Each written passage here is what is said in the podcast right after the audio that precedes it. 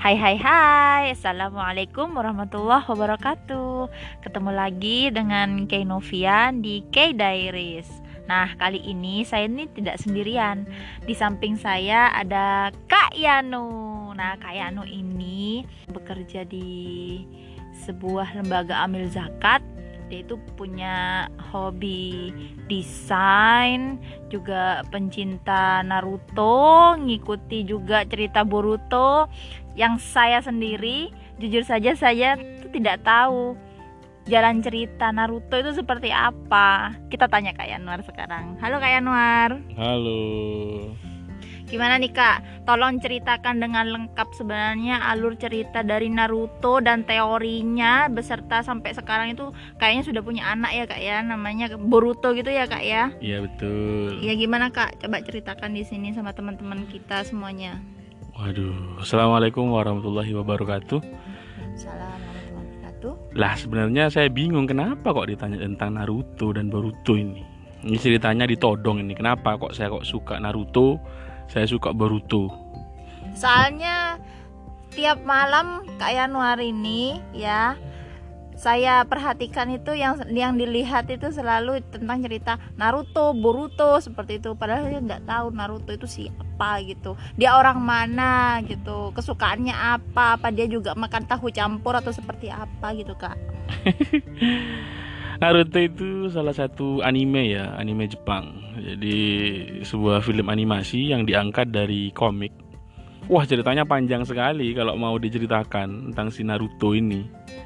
Ya walaupun uh, bisalah kita bicarakan sedikit saja gitu ya tentang Naruto. Hmm. Yang sekarang sudah selesai sebetulnya dilanjutkan sekarang seriesnya itu oleh anaknya ya si Boruto.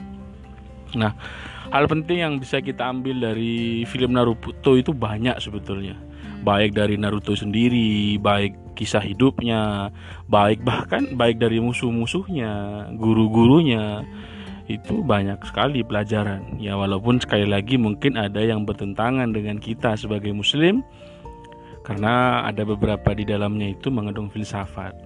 Ada filsafat ya pasti filsafat macam-macam ya. Dan kita sendiri tidak semuanya sepakat tentang filsafat. Nah saya kira itu tidak perlu dibahas tapi ada hal positif yang bisa diambil dari film Naruto ini. Contohnya ya Naruto ini kan anak dari Minato dan Kusina. Nah Minato ini Hokage keempat. Ya ibaratnya kalau sekarang itu mungkin presiden ya mungkin ya.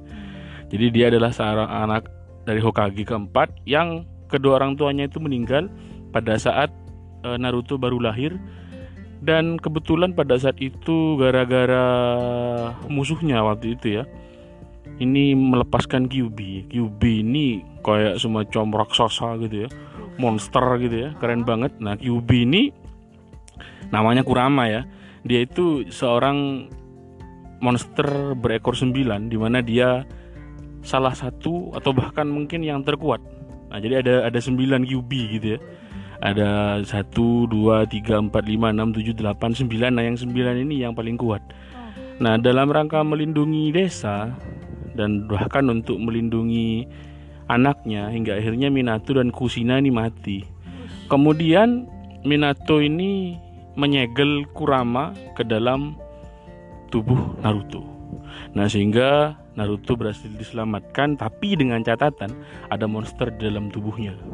Oh jadi mungkin itu ya yang membuat Naruto itu sepertinya kayak uh, punya kumis seperti kucing gitu loh. Nah bisa jadi seperti itu. Oh, jadi nah. ada sisi jahat di dalam tubuhnya. Ya, ya, ya. Nah ya itu positif dan negatif ya. Positifnya mungkin dia suatu saat nanti itu akan menjadi sumber kekuatan. Tapi negatifnya dia sejak kecil itu sudah diasingkan diasingkan oleh teman-temannya karena dia itu takutnya seperti monster dan sebagainya karena uh, Kurama ini kan pernah mengobrak-abrik Konoha hmm. seperti itu tapi uh, karena dia selain sering seorang anak yatim ya dia kan dilatih oleh guru-gurunya. Jadi ada banyak ya guru-gurunya. Salah satu guru favoritnya itu ya guru Kakashi yang selalu melindunginya. Dan guru Jiraiya yang akhirnya mengajari Naruto untuk menjadi seorang yang kuat. Termasuk dia punya bisa belajar Rasengan dan lain sebagainya yang pada akhirnya dia mampu memanfaatkan kekuatan Kurama untuk kebaikan akhirnya yang jurusnya gini ya kak Rasengan gitu ya, Ya, kak ya itu Rasengan itu. Ah, saya taunya cuma gitu kak sebetulnya Rasengan itu eh, jurus dari Hokage Hokage sebelumnya ya oh. cuma itu diturunkan kepada Naruto yang pada akhirnya juga bisa menguasai itu Iya, iya. Nah, inti dari cerita Naruto yang keren itu, Naruto itu walaupun dia itu seorang anak yatim, dia itu seorang anak yang kuat. Dia punya kemauan yang luar biasa dan dia juga punya rasa setia kawan yang tinggi. Terbukti ketika temannya itu namanya Kakashi, dia kan di tim 7 ya. Mm-mm. Tim 7 itu ada tiga orang. Jadi ada Sakura, ada Sasuke, dan ada Naruto sendiri di bawah pimpinan, sorry, di bawah latihan guru Kakashi. Nah, suatu saat karena dendam yang tidak berkesudahan, si Sasuke ini akhirnya meninggalkan desa. Nah, si Naruto ini berusaha berjanji bagaimana caranya nanti akan membalik, mengembalikan Sasuke ke desa.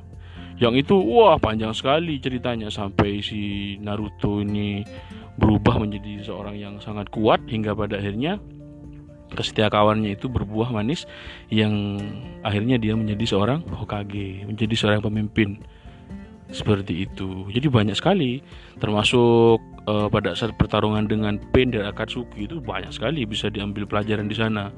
Ah, salah satu contohnya itu bahwa eh, perang itu walaupun itu tujuannya untuk mencari kedamaian, untuk membuat kedamaian, itu justru akan menghancurkan semuanya.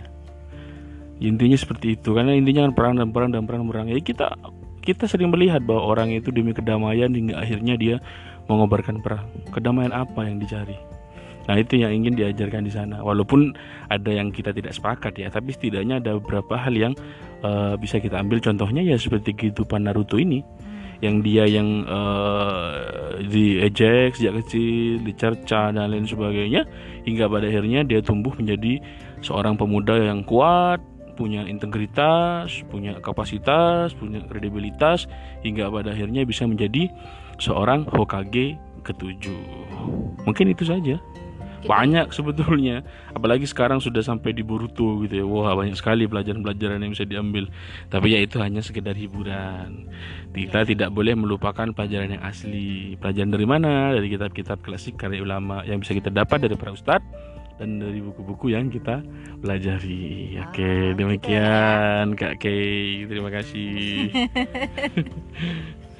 Wah, seru sekali nih pembahasan malam ini tentang Naruto. Mungkin teman-teman juga sudah tidak asing ya dengan cerita anime Naruto ini. Yang bahkan saya sendiri cuma nontonnya sesekali aja. Yang saya kenal cuma ya Naruto, Sasuke, Sakura gitu ya. Terutama Sasuke itu yang menurut saya wah cool banget gitu gitu ya kak ya ya, ya, ya, ya, ya, ya. dari ketiga karakter ini siapa yang paling disukai sama Kak Yanu? Ya Naruto lah. Kenapa tidak suka sama Sasuke Kak? Ya tidak apa-apa. Oh gitu ya Kak ya. Yang suka Sasuke itu ternyata saya ya Kak ya. Ya, ya, ya. Wah tidak benar ini. Ya, ya, ya. Oke gitu ya teman-teman ya. Seperti yang Kak Yanu tadi sampaikan bahwa eh, apa yang kita tonton ya anggap saja sebagai hiburan.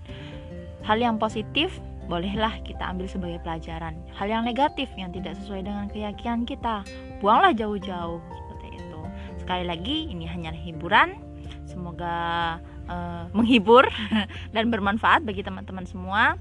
Jangan lupa misalnya kalian punya ide tentang wah, saya punya cerita tentang ini atau misalnya kalian itu punya kisah yang menarik, boleh di message ke saya.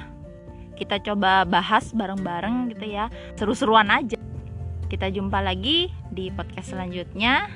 Sampai jumpa. Assalamualaikum warahmatullahi wabarakatuh